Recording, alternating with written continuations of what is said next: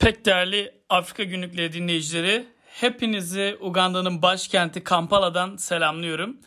Ee, sıcak bir Uganda gününden bu kaydı alıyorum. Ee, umarım İstanbul'un ve Türkiye'nin diğer illerindeki soğuk havayı e, bir nebze olsun ısıtacak bir yayın olur. Ee, bugün memuriyeti nasıl bıraktım başlıklı bir e, podcast kaydediyorum. Hazırsanız başlayalım.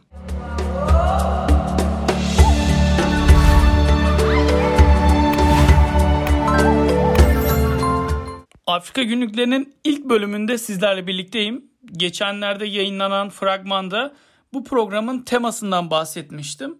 Şimdi ilk konumuzla yani memuriyeti bırakma hikayesiyle karşınızdayım. Ortaokulda çok başarılı bir öğrenci değildim aslında. E, bu sebeple lisede orta düzey bir yere anca girebiliyordum. Ben de tercihler esnasında e, bütün e, Türkiye'nin olduğu gibi e, bir büyüğümün yani babamın tavsiyesini dinledim. E, ve bunun sonucunda sağlık meslek lisesini tercih ettim. E, ve sağlık meslek lisesinde radyoloji bölümünü kazandım. Henüz lise 3'te okurken KPSS sınavına girdim. Çünkü e, bilenleriniz vardır. E, eğer sağlık meslek lisesinde okuyorsan nihai hedefin ve en büyük hedefin e, KPSS'ye girip atanmaktır. E, ben de öyle yaptım. E, zira KPSS 2 yılda bir oluyor. Ön lisans ve e, orta öğretim KPSS'leri. E, ama lisans KPSS her yıl oluyor. O yüzden e, okulun bitiminde KPSS sınavı yoktu. Ya bir yıl bekleyecektim ya da 3. sınıfın yaz tatiline girecektim. Ben de bunu tercih ettim. E, yoğun bir e, çalışma sürecinin sonunda kendi alanımda e, Türkiye derecesi yaptım. Bir yıl okul bitince de hemen tercih yapıp atandım. E, şöyle düşünün 18'li yaşlarının başında henüz yeni girdiğim 18 yaşımın başında e, genç bir devlet memuru olarak işe başladım. E, Bursa'nın küçük bir ilçesiydi ilk görev yerim. Maddi kazancım çok iyiydi. E, şöyle anlatayım. Bir yıl önce stajyerlikten aldığım maaş hatta e, bir yıl bile değil yani 3-4 ay çünkü okul bitiyor hemen atanıyorsun gibi düşün. 3-4 ay önce stajyerlikten aldığım maaş e, beni bir ay boyunca geçindiriyordu. Ben atandım 3 ay sonra ve o stajyerlik maaşın 10 katını kazanmaya başladım.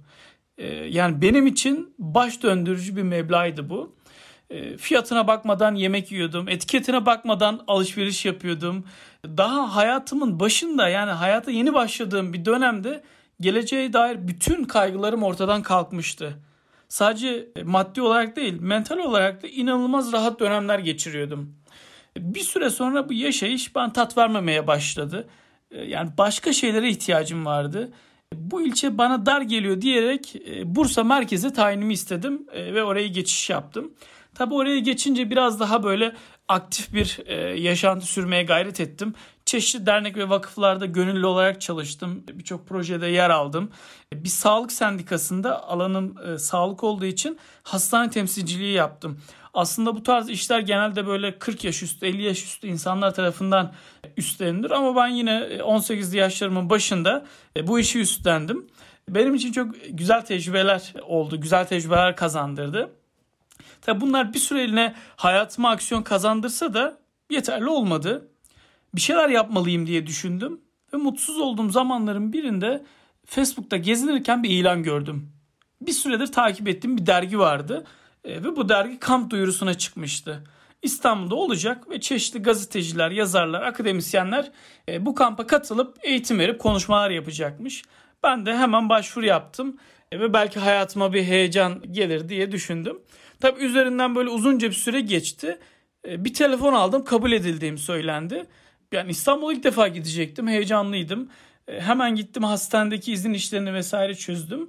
İstanbul'a doğru yola çıktım. Bir ay süren bu kampta inanılmaz karizmatik gazetecilerle tanıştım. Yani çok etkiledi beni. Burada olmalıyım diye düşündüm. Bursa'ya geri döndüğümde hemen sosyal medya hesaplarımı kapattım. Akıllı bir telefonum vardı. Bunu tuşluya çevirdim. Başladım üniversite sınavına hazırlanmaya. Hedefim İstanbul Üniversitesi gazetecilik bölümüydü. Bir yıl sonra sosyal medya hesaplarımı geri açtım ve şunu yazdım. Gedik'te bir delik açtık. Mukaddes mi mukaddes? Ey kahpe rüzgar ne yandan eserseniz. Altında da üniversiteyi kazandığım fotoğraf. Bu inanılmaz gurur verici e, bir durumdu benim için. Tabi İstanbul macerası başladı. o etkilendiğim dergide o etkilendiğim karizmatik gazetecinin yanında çalışmaya başladım. Düşünsenize e, işte birkaç yıl önce bir hayal kuruyorsunuz. E, sizin için büyüleyici gelen insanın yanında çalışmaya başlıyorsunuz. O kişi bana yıllarca ustalık yapan Salih Yüzgenç'ti. Kendisini anmadan geçemem. Benim gerçekten büyük ustamdır. Neyse geceleri nöbete sabahları okula gidiyordum. Bir yandan dergide çalışıyordum. Çeşitli projelerde yer alıyordum. Çok yoruldum. Günlerim hep uykusuz geçti. Gözlerim daima kızarıktı ve işte altı morarıktı. İnsanlar sürekli gidip dinlen diye ısrar ediyorlardı. Düşünsenize 24 saatlik uykusuz şekilde yoğun bir nöbet tutuyordum. Yorgun argın çıkıp eve geliyordum. 2 saat uyuyordum. Sonrasında alarm sesine uyanıyordum. Yani o yorgunluğun, o uykusuzluğun üzerine e, o sıcak yatağa tatlı uykuyu bırakıp kalkmanın ızdırabını cidden size tarif edemem. Yani bu bir kere ya da iki kerelik mevzu değil. Yaklaşık 4 yıl boyunca bu böyle sürdü. Kendimle o kadar büyük mücadeleler verdim ki anlatamam. Öyle veya böyle bir şeyler yürüdü ve bugünlere geldi. E, memur arkadaşlarım para biriktirmeyi tercih ettiler genelde. Ev aldılar, araba aldılar. Bense paramı deneyimlere harcadım. Kitaplar aldım, seyahat ettim. Birkaç defa Afrika'ya gittim mesela. Bu çok ilginçti. E, bu süreçte hastane dışında bir hayat kurduğum için hastanedeki işim hayatımın merkezine asla oturmadı. Yani biriyle sohbet etmek için oturduğumda benim konum asla hastane olmadı. Çünkü orası e, benim için hep kenarda köşede durdu.